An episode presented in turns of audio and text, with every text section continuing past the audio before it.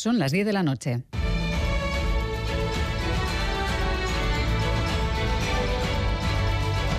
Radio Euskadi y Radio Vitoria. Servicios informativos.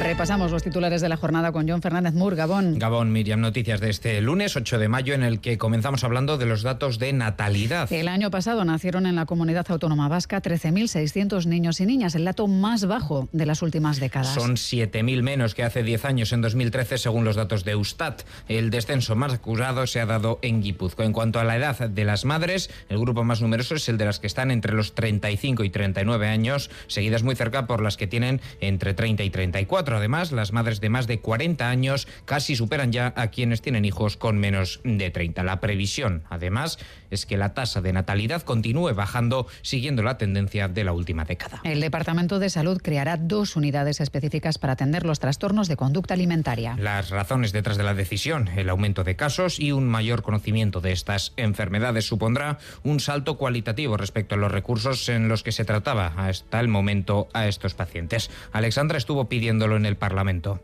Pues hombre, es que es muy triste, ¿no? Que llevemos tantos años pidiendo que se creen recursos y que actualmente que siga sin, sin contar Osakidecha con personal específico en tratar trastornos de la conducta alimentaria. Que esto no es de ayer, esto viene de años atrás.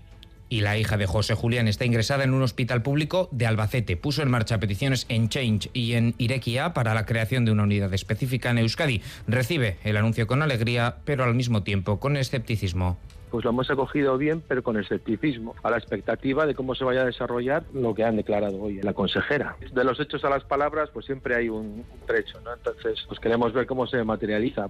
En el grupo de 0 a 2 años, el 94,1% de las solicitudes de matriculación para el próximo curso se han resuelto con la asignación de la primera opción a las familias. Dato que ha dado a conocer el consejero de Educación Joaquín Bildarratz. Además, a 462 familias se les ha asignado otro centro de su elección, mientras que a 255 solicitudes se les ha adjudicado una plaza no solicitada. Balance positivo del consejero de este primer proceso de matriculación con medidas antisegregación.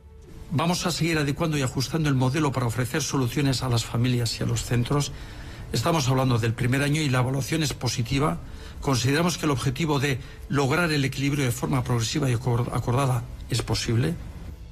La Diputación de Guipúzcoa ha logrado a la tercera el aval del Tribunal Superior de Justicia para aplicar los peajes a vehículos pesados en la Nacional 1 y la A15. La justicia anuló las normas de 2016 y 2018, pero ha dado luz verde a esta última. La Diputación está satisfecha. Aintzane Oyarbide es diputada de Infraestructuras. E, baitegiak arrazoia eman digu esanez, e, bueno, behin betirako izango dirara peaje hauek. E, nik uste dut azken finean eh, denborak arrazoia eman digula.